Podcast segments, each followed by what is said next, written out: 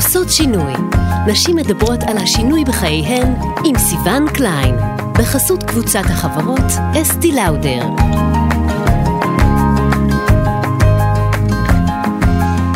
היי, hey, שלום ותודה שהצטרפתן אלינו לעושות שינוי, פודקאסט בו נפגוש מדי פרק אישה מעוררת השראה, שעשתה שינוי בחייה, בחיי הסובבים אותה או בחיים של כולנו. אני סיון קליין וגם אני עשיתי שינוי, אה, אוטוטו אה, אחות, עשיתי, התחלתי לימודי הסבה כבר אה, לפני למעלה משנתיים, הסבה לסיעוד. ועכשיו, אם אתן אימהות צעירות, אתן בוודאי מכירות היטב את חשבון האינסטגרם של המרואיינת שלנו להיום. היא הייתה על המסלול המהיר להצלחה, צעירה מחוננת ואוטודידקטית שסיימה תואר במשפטים ובממשל, נשואה ואימא טריה כשבוקר אחד, ממש כמה ימים לאחר לידת בנה הבכור, טרגדיה פקדה את משפחתה והכל איים להתפרק. מכאן היו רק שתי אופציות, ליפול אל התהום או לנסות לייצר עבורה, עבור משפחתה ועבור בנה הקטן עולם חדש. וזה מה שהיא בחרה לעשות. היום היא בעלת סטודיו להתפתחות ושינה תינוקות, עצמאית, קרייריסטית, אימא לשניים, וגם שני של 45 אלף עוקבות נאמנות באינסטגרם. שני גיני שרן המוכרת כגינישה. איתנו כאן באולפן, היי שני, מה העניינים? היי יוש. רגע, מה זה גינישה? Uh, כשהתחלתי באינסטגרם זה היה מזמן. Uh, והייתי כזאת uh, נחבאת אל הכלים בחיים האמיתיים שלי. אה, ורציתי איזה אלטר אגו כזה. אז אמרתי, טוב, אני לא אחשף בשם שלי, זו הייתה עוד אפליקציה כזאת לא מוכרת, פלטפורמה כזאת אה, חדשה. אז אמרתי, טוב, קוראים לי שני גיני, אז אני אהיה גיני אישה. אז זה פשוט התחיל סתם, וזה תפס נורא, ועכשיו אף אחד לא קורא לי שני כבר. רק גינישה? רק גינישה. גדול, זה נשמע כזה כמו מישהי יפנית שממש יודעת על מה היא מדברת. טוב, אז אה, קודם כל תודה רבה שבאת. תודה שהזמנתם אותי. אני רוצה לקחת אותך לקצת יותר משלוש שנים אחורה. איזה שני הייתי פוגשת אז? אמ, זה מרגיש כל כך כל כך אה, רחוק, ומצד שני, מרבית החיים שלי הייתי השני הזו. אמ, אני, אני לא רוצה לפתוח ב, בדימוי שלילי על עצמי, אני חושבת שהייתי הרבה יותר, השלם היה גדול אה, מסך חלקיו. אבל אני חושבת שפחות אהבתי את עצמי, ואני חושבת שהייתי... תמיד הרגשתי שיש לי פוטנציאל, אבל לא ידעתי איך לממש אותו. והרגשתי שאני דחיינית, ועצלנית, ועייפה, וחסרת אנרגיות, ומרצה. הייתי מאוד מאוד מרצה. אמ, הייתי רגישה. וחייתי במין חיים, במין מסלול כזה ש, שצריך לעבור בו. אבל גם במסלול מצוין יש לומר, כלומר את יודעת, סטודנטית למשפטים וממשל, כן. אה, תלמידה טובה, כלומר במסלול שאם החיים היו ממשיכים ככה, היום הייתי פוגשת שני שהיא עורכת דין. נכון, אמ, תמיד הייתי by the book, אבל בדיסוננס מאוד מאוד גדול של אה, מצד אחד להיות מאוד בסדר ומאוד בתלם וגם אהובה. ו... אה, ובקונצנזוס כזה תמיד, תמיד היו לי חברים ואהבו אותי והקיפו אותי, אבל תמיד הרגשתי outcast. וזה באמת היה הדיסוננס המטורף בין מה, מה שהקיף אותי למה שהתחולל אה, בתוכי. אה, והרגשתי שאני צריכה לצ... לצעוד במסלול הזה שהחיים ככה, לא יודעת, החיים, ההורים, החברה, הסטנדרטים. אבל, אבל אני כן רוצה שנייה להיכנס לדקויות האלה. כן היית מאושרת או, שחיפ... או שלא הרגשת מספיק אה, שמחה? אה, לא הרגשתי מספיק שמחה, ומאוד רציתי שינוי ופחדתי ממנו. לא העזתי להגיד את מה שאני מרגישה. אבל ידעת כבר שינוי במה? לא. או שזה מין היה כמו לבעוט את הכל ו... אם אני חייבת אה, להיות כנה, פחדתי אפילו להגיע לשלב של לדייק את הרצונות שלי, כי הייתי עדיין שבויה במקום של להגיד, להעז להגיד שאני רוצה שינוי. זה לא, זו לא הייתה אופציה, ובפעמים הבודדות שכן ניסיתי לייצר שינוי, לפחות בבית הפרטי שלי, שהיה, אין לי הרבה מילים לא טובות להגיד עליו, אה, קצת היגעו אותי כ... כבעייתית, זאתי שמנסה כזה לפרוץ גבולות והעדפתי להיות בסדר. כאילו היה לי הרבה יותר קל להיות בסדר ולהיות בקצת ביטול עצמי בשביל זה. וזה בערך מה שקרה איתי, ככה, ככה הכל התחיל. אבל בעצם אה, בוא, בוא ניקח אותך רגע שנייה לאובדן הפתאומי של אבא שלך. כן. אה, שאני מבינה שהוא היה וגם עדיין אה, דמות מאוד נוכחת בחיים שלך. אה, השינוי נבע מה, מה, מהטרגדיה הגדולה, או ש... תראי, אבא שלי היה בן אדם מאוד מאוד דומיננטי באופן כללי, דמות דומיננטית, והוא היה אבא מאוד מאוד דומיננטי ומאוד מעורב. והוא הוא תמיד נתן לי להרגיש ש, שיש לו ציפיות מאוד גבוהות ממני. הוא ניסה לעשות את זה בטוב ולא להלחיץ, אבל זה מלחיץ. Mm-hmm. בסוף ציפיות זה מלחיץ. אמ, ואני, כל עוד הוא היה כאן, לא העזתי, לא העזתי להמרות את פי ולא העזתי לשבור את, ה, את החלום שלו עליי. הוא תמיד אמר לי, יהיה ממך משהו גדול, ואת יודעת, ואת עושה, ואת יכולה. וזו הדרך, זו הדרך שלך, ו... ואת יודעת, הדרך הזאת היא גם עולה זמן וכסף שלא, אז לא כזה קל באמצע התואר להגיד, שומע אבא. זה לא כזה מעניין אותי. לא רוצה להיות פה, אני באה בכוח, אני לא מדברת עם אף אחד, אין לי חברים, אני דוחה את המשימות עד לדקה לפני ההגשה, אני, אני מתחמקת ולהתעסק בזה. וכל הזמן אמרתי לעצמי, טוב, שאני את, את יודעת רק את התיאוריה ואת את לא יודעת אותה פרקטיקה, אז תני לזה רגע, אל תוותרי כל כך מהר וגם גם ככה, גם אם את רוצה לוותר. את יודעת שזה יהיה עכשיו כאוס, זה יהיה סוף העולם להגיד עכשיו שאת פורשת מהלימודים. אז ככה חייתי. יש לי עוד שאלה רגע לגבי הזה, כי אני קצת חוקרת את הסיפור הזה. אה, את מנסה לחשוב לפני שאת נרשמת ללימודים מה את רוצה לעשות בחיים, או שאת הולכת במין מסלול כזה שהוא מסלול יוקרתי וגם אה, מאוד אה, מלמד וגם קצת, גם, גם קצת כזה רחב שתוכלי להתעסק במגוון דברים, הרי זה, זה לא תואר רע. נכון. אבל הוא לא באמת עונה על uh, תשוקות. נכון. Um, קודם כל הייתי ילדה, והתחלתי את ה, בעצם את המסלול המקצועי שלי באמ"ן, שם שירתתי, אה, ומשם כולם ממשיכים בדרך כלל אה, לתארים שקשורים, והתחלתי באמת ללמוד בתל אביב אה, מדעי המדינה. ותוך שנה, סיימתי את השנה הראשונה, הבנתי שאני לא מסוגלת להמשיך, אז את הזעזוע הראשון של לעזוב תואר כבר עשיתי. Mm. אבל ההתחייבות שלי לאבא שלי הייתה שאני עוזבת ומיד מתחילה מסלול חדש. אז אני מתחילה מסלול חדש שהוא מסתיים באיזושהי הסמכה, לא משהו כזה ארטילאי. אה, וזה היה אוקיי, אני מאוד מאוד, אני לא אנליטית בשום צורה, אז אני אלך לפסיכולוגיה, אני אלך למשפטים, טוב, משפטים עוד יש שם איזשהו משהו. פסיכולוגיה הוא היה מוכן? כלומר זה היה משהו שכאילו... אה, כן, כן הוא, הוא בעיקר עניין אותו ללמוד, לקבל איזשהו תואר, להתחיל איזשהו מסלול, להתחיל להתייצב לאנשהו ולא להיות... אה, הבנתי. ואז בעצם אבא שלי נהרג בתאונת עבודה בעסק שלו. אה, בוקר גשום אחד, הוא עלה לגג לפתוח איזה מרזב שנסתם, והתקרה קרסה לתוך רצפת העבודה והוא פשוט נהרג, כנראה במקום. אה, אני הייתי שבועיים אחרי לידה של הבן הראשון שלי. בראש כבר סיימתי את התואר ויודעת שאני צריכה לחפש התמחות ומתחמקת מלחפש התמחות, אבל לא באמת יודעת, כרגע התירוץ היחיד שלי זה חופשת הלידה, אה, אבל לא באמת יודעת איך אני, איך הלאה אני, אני מתחמקת מזה. אה, ואני בדיסוננס כזה עם עצמי, ו... וזהו, יום אחד אני בבית. דין, הבן שלי, הוא היה תינוק מאוד מאוד קשה, מאוד, הוא היה תינוק צרכן ולא רגוע. והייתה לי התחלה מאוד מאוד מטלטלת איתו. אה, ואני בבית, ואחותי שעבדה עם אבא שלי מתקשרת אליי בצרחות אה, אימים, ומספרת לי ש... שהוא ככה מוטל על הרצפה, והיא בטוחה שהוא מת. יו. ואני אומרת לה, היא הייתה איתו. כן, ואני מנסה, תוך כדי הצרחות, להבין אותה. קודם כל, האינסטינקט הראשון שלי היה להרגיע אותה שלא מתים כל כך מהר. אה, גם אם הוא נפל, אבא שלי היה ככה בחור, היה סיסי. אה, בטוח הוא נבלם איכשהו, רגע שנייה, ותני לי לדבר עם מישהו שלא צורח כל כך כדי שאני אבין מה קורה. אני בדרך כלל הייתי הבן אדם הזה במשפחה שלי, עדיין אולי, אה, שהוא בשליטה. אז אז זהו, אז זה נתנה לי לדבר עם מישהו וכך ניסיתי להבין מה קרה ואז בסוף השעות התגלגלו, מצאתי את עצמי באיכילוב ונפרדת ממנו. אה, כשכולנו בשוק טוטאלי, אפילו, באמת אני לא... פתאומיות הזאת. אי אפשר, המוח, הנפש, אי אפשר להכיל את זה. זה פשוט, אני באמת, אה, אני באמת חשבתי שסוף העולם. יש את השיר הזה, כזה, Don't they know it's the end of the world, ככה הרגשתי, כאילו איך, איך, איך אתם חיים? כאילו, זהו, נגמר. הסתכלתי על אמא שלי, אמרתי, זהו, לא יהיו אורחות משפחתיות, לא, לא יהיה לנו כיף יותר, לא נצחק, לא נשמח, זהו, נגמרו החיים. גם ככה הרגשתי שנגמרו החיים, שבועיים לפני כן, כשנולד לי הילד, וגם ככה הייתי הורמונלית. ואני פשוט לא, אני לא האמנתי שזה קורה לי.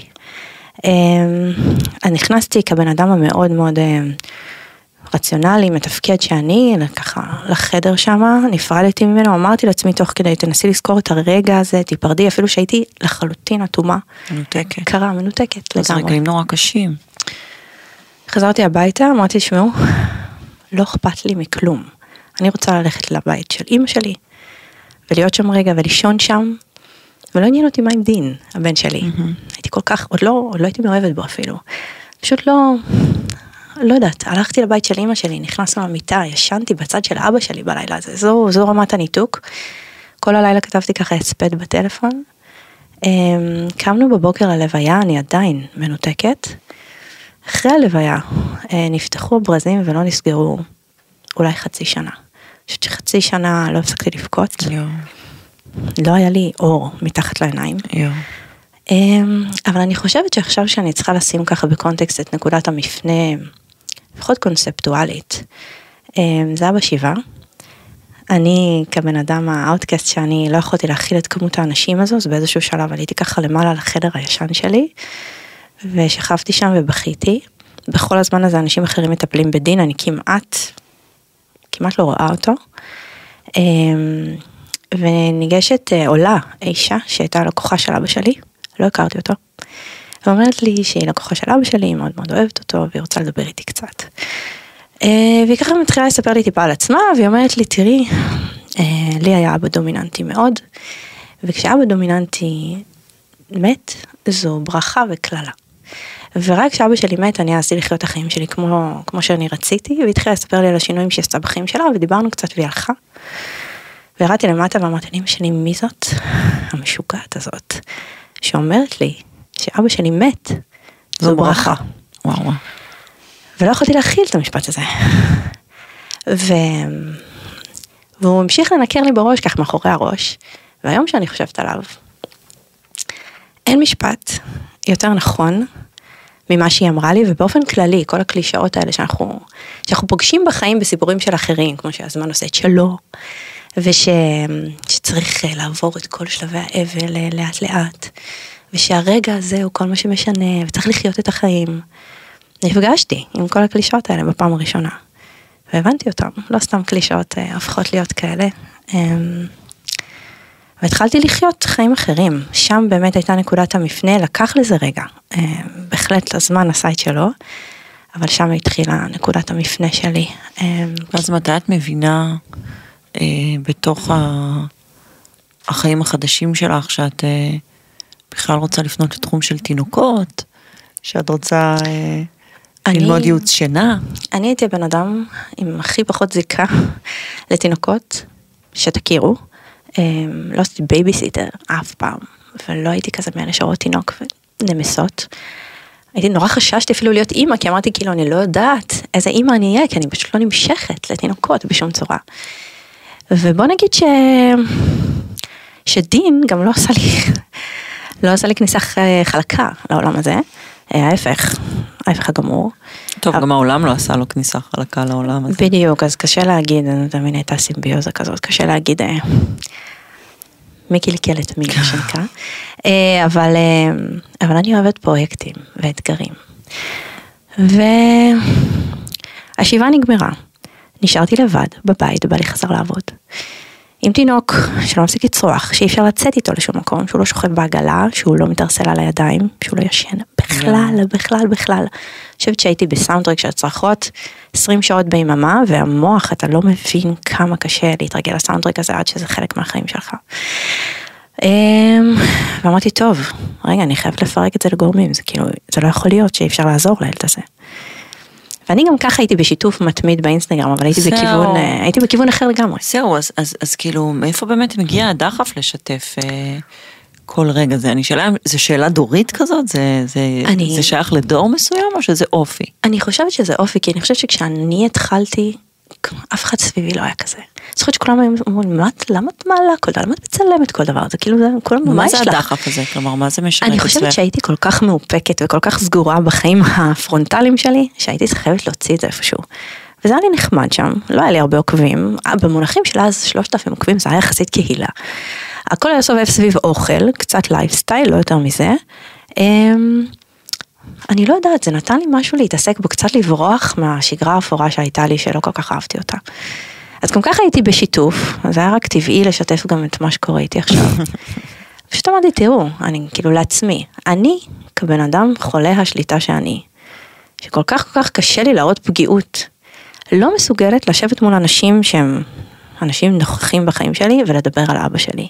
לא רציתי להיות המנחוסה הזאת שיושבת ובוכה על אבא שלה כל היום, שכולם כבר ימשיכו הלאה, ודי, שחררי, שחררי מהמלנכוליה, די להיות, אה, תפסיקי להיות כזאת אה, עצובה. ואמרתי, טוב, יאללה, אני פשוט אשתף באינסטגרם, מי שלא רוצה ידפדף, הוא יעשה לי unfollow, ומי שרוצה, אז, אז הוא יצרוך את התוכן הזה. אה, וככה זה התחיל, אז בכלל התחלתי לדבר על אבא שלי ועל האובדן. אה, ואז אוקיי, בלילות אני ערה. כי אף אחד לא נותן לי לישון ואני גם בוכה. אה, אז אני אתחיל לקרוא. אז פשוט התחלתי לקרוא מלא מלא ספרות מקצועית אה, בנוגע לתינוקות.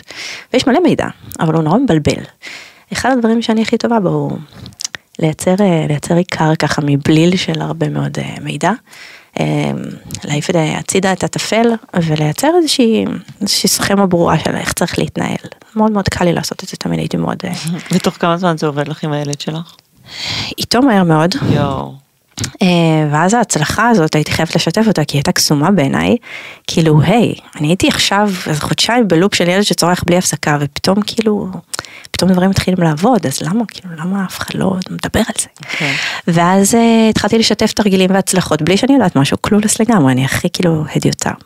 אה, וזה עובד גם לאחרות והן קוראות לחברות שלהן שיש פה איזה קוסם. ואז זה בעצם גדל וגדל וגדל, כן. ואז כאילו את פתאום נהיית, את יודעת, מהבן אדם הפרטי הזה שאת אומרת, את עושה מה שבא לך מול שלושת אלפים איש, פתאום נהיית קהילה מאוד מאוד משמעותית, זה משנה קצת ביחס של הדברים שאת אומרת, פתאום את, אה, שזה חשש, גם כאילו מבחינה מקצועית, אם זה יעבוד, וגם מה- ממקום שפתאום יש קהל מאוד רחב אה, לשמוע את הדברים שלך, זה כאילו צריך להיות קצת יותר עם אחריות. נכון, זה כאילו קצת מתייפייף להגיד שלא, אבל באמת לא.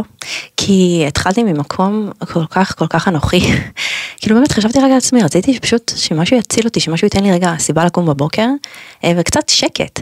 אז שיתפתי ושיתפתי ושיתפתי, ואמרתי כאילו, לא הייתה לי אג'נדה להיות איזה יוצרת תוכן או משפיענית, פשוט מה שיהיה יהיה.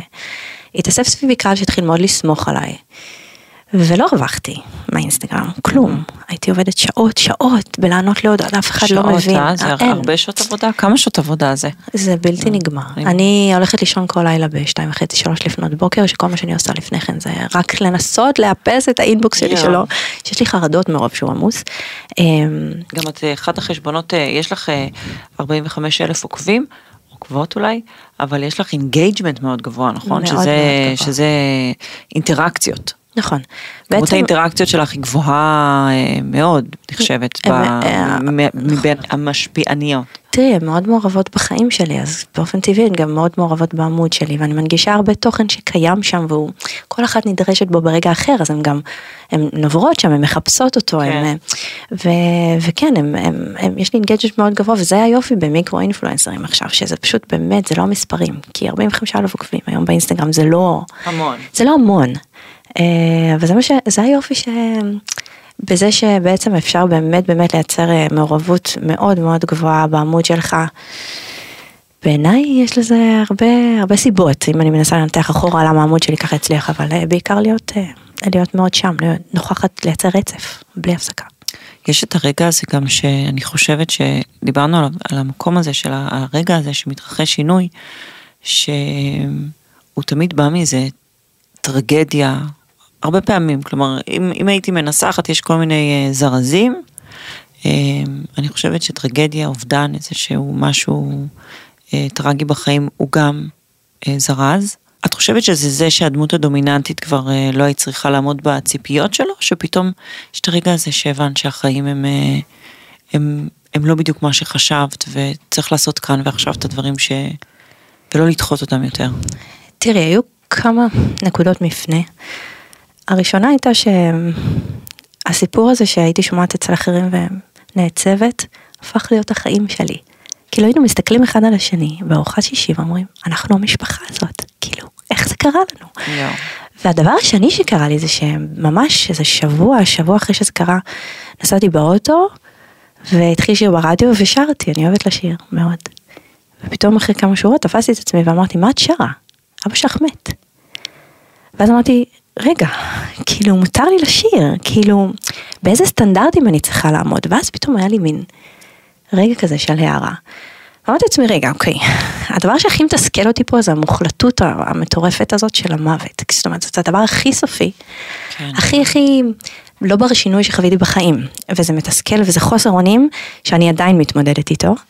אמ, אבל איתו באה גם ההבנה שאם אם המוות הוא הדבר היחיד שסופי, אז כל השאר הוא בר שינוי, וכל השאר דינמי. ואם ההבנה הזאת ככה מתחילה לחלחל, אז אוקיי, אז למה אני חייבת להיות מוחלטת? למה אני לא יכולה לעשות שינויים? למה אני לא יכולה לחפש את עצמי? מי אמר שיציבות זה הדבר הכי חשוב? ואז התחלתי להגיד לעצמי, אוקיי, החברה מחנכת אותנו, בעיקר נשים, לחשוב שאם את משנה את דעתך, את לא יציבה, ואת לא אחראית, ואת זגזגנית, ואת מבזבזת לאחרים זמן וכסף, ואת לא אחראית. ואני מסרבת לזה, אני מסרבת להיכנע ל, ל, לתקדימים האלה. את כל כך צודקת, אני חושבת שלשנות את דעתנו זה אחד הדברים, אחת, אחת המתנות הכי נהדרות שאנחנו יכולים לתת לעצמנו כבני אדם, כי אנחנו פשוט יכולים uh, להתחרט ולהחליט משהו אחר, וזה כל כך נכון. מה אבא שלך היה אומר, לו היה יודע שהעיסוק המרכזי שלך זה משפיענית רשת? Um, אני, אני, האדם הציני שאני, מאוד מתקשה להגיד את המשפט הזה עכשיו. אבל הוא, הוא אומר, אני באמת מרגישה שהוא אומר, אני מרגישה ש... אני הפכתי להיות הבן אדם הזה שמחפש סימנים, אני לפעמים נורא כאילו מתביישת בעצמי, אבל זה פשוט, אתה חייב להאחז במשהו. אני חושבת שאבא שלי תמיד היה מאוד גאה בי, אמ, על זה שאני, אמ, שאני עומדת איתנה מול דברים. הוא חינך אותי להיות אישה מאוד מאוד מאוד חזקה, עם תחושת מסוגלות מאוד גבוהה. אמ, ואני חושבת שגם הוא באיזשהו מקום, הוא הגורל, היקום, פינה את מקומו כי אמ, במערכת יחסים תמיד יש שולט ונשלט ותמיד יש חזק ואחד טיפה יותר מוחלש והוא קצת פינה את מקומו כדי שאנחנו נהיה יותר חזקים ואני חושבת שהוא לא כל כך משנה מה אני עושה, העיקר להיות... העיקר להיות חזקה, ואם באמת דיברנו מקודם על כאילו מה מניע לשינוי, אז אני חושבת שאנחנו כל כך uh, מתעסקים כל הזמן בפחד משינוי, הוא בעיקר uh, לשנות את המציאות, ואיך פתאום ברגע אחד אני אחליף את החיים שלי, או איך אני בכלל אדייק את הרצונות שלי, uh, מה אני רוצה להיות, ואנחנו, לפני שאנחנו מתעסקים במה הלאה, אנחנו צריכים להתעסק שנייה במה לא. ו, ובאמת לקום בבוקר ולהגיד וואלה, לא בא לי, התחרטתי, ניסיתי ולא רוצה יותר, חשבתי שאני מוכנה ו... וזה לא מתאים לי. אמ, ברגע שאתה משחרר מהפחד הזה, אז אתה, אתה מתחיל, אה, הבסיס, זה הבסיס לשינוי. זה, שם זה מתחיל לקרות, בעיניי. ואז באמת אה, אני חושבת ש... לפני שמתעסקים באיך לעשות שינוי, זאת אומרת הלכה למעשה כלים פרקטיים לשינוי זה הדבר הכי פשוט. הכי קל. הכי קל. נכון. מה שאנחנו צריכים לעשות לפני שינוי זה באמת להצליח להבין איך אנחנו מייצרים בסיס טוב לשינוי, איך אנחנו מייצרים בעצמנו ביטחון לשינוי. או בכלל מה השינוי שאנחנו רוצים לקחת, כאילו איזה שינוי, איזו פנייה אנחנו רוצים לקחת. אגב אבל אה, תגובות של אנשים, קיבלת תגובות לא מפרגנות אה, לתחום שאת עוסקת בו, לשיתופים שלך באינסטגרם. אה, תראי, התחום שנוי במחלוקת, אה, ומדי פעם כן, יש בהחלט תגובות כאלה ואחרות. אה, אבל אני חייב להגיד שבאמת עוטף אותי קהל מאוד מאוד מאוד אוהב. טוב, את משתפת אותם המון, לא רק, ב, רק, לא רק בחיים האישיים שלך, נכון? נכון. גם בשגרת חיים שלך, בלייפסטייל שלך, נכון. ממש... אני חושבת שאי אפשר להתחבר לעמוד שהוא אני רק, רק מהתיאור הזה הולכת לעשות לך, זה בדיוק מה שאני אוהבת.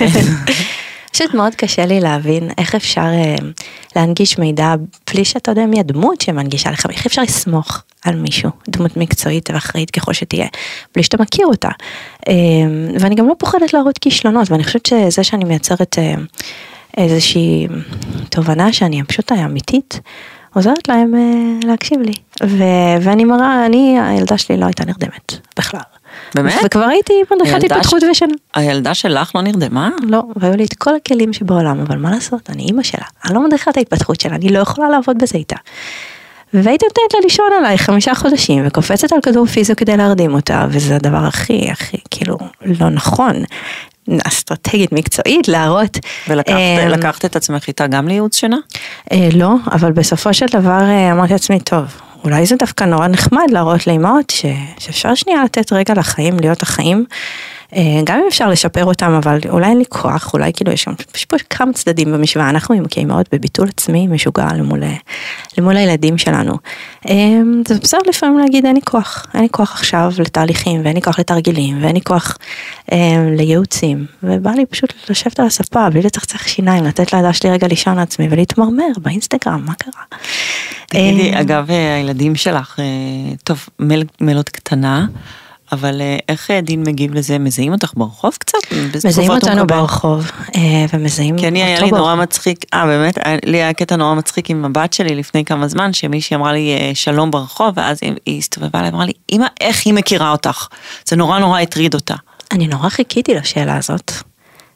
בעיקר כי דין גם ילד שהוא מאוד ככה, הוא מאוד רגיש, הוא היה כזה תינוק יותר מבוהל, ואמרתי, טוב, זה בטח יבהיל אותו נורא.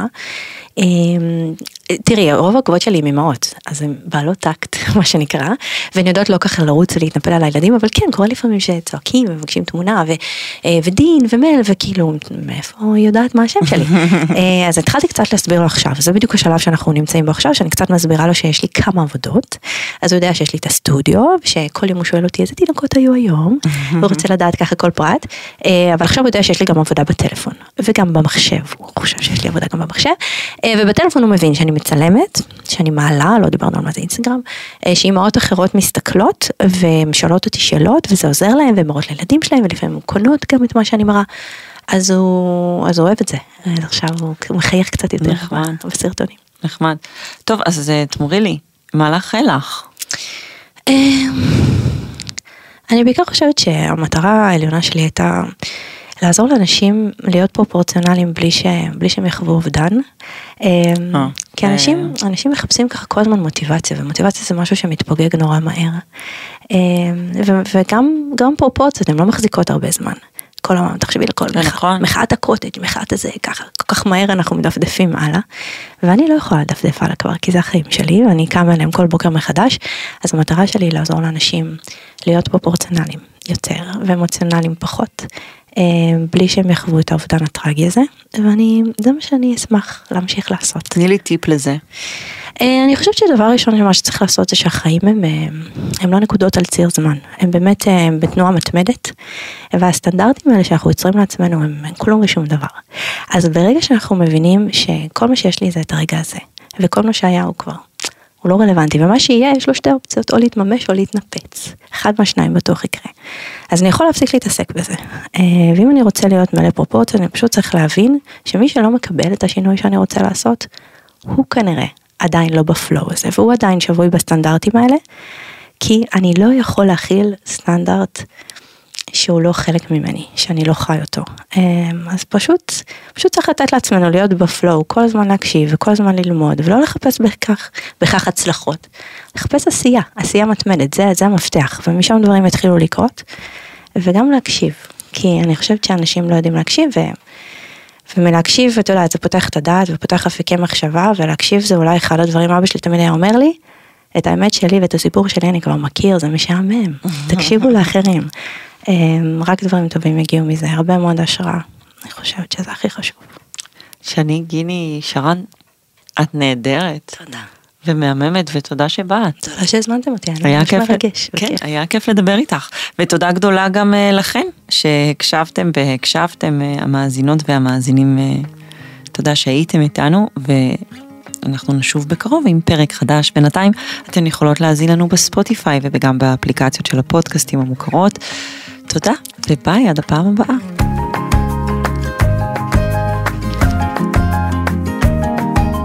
הוקלט באולפני אדיו, המשווקת את ספוטיפיי בישראל.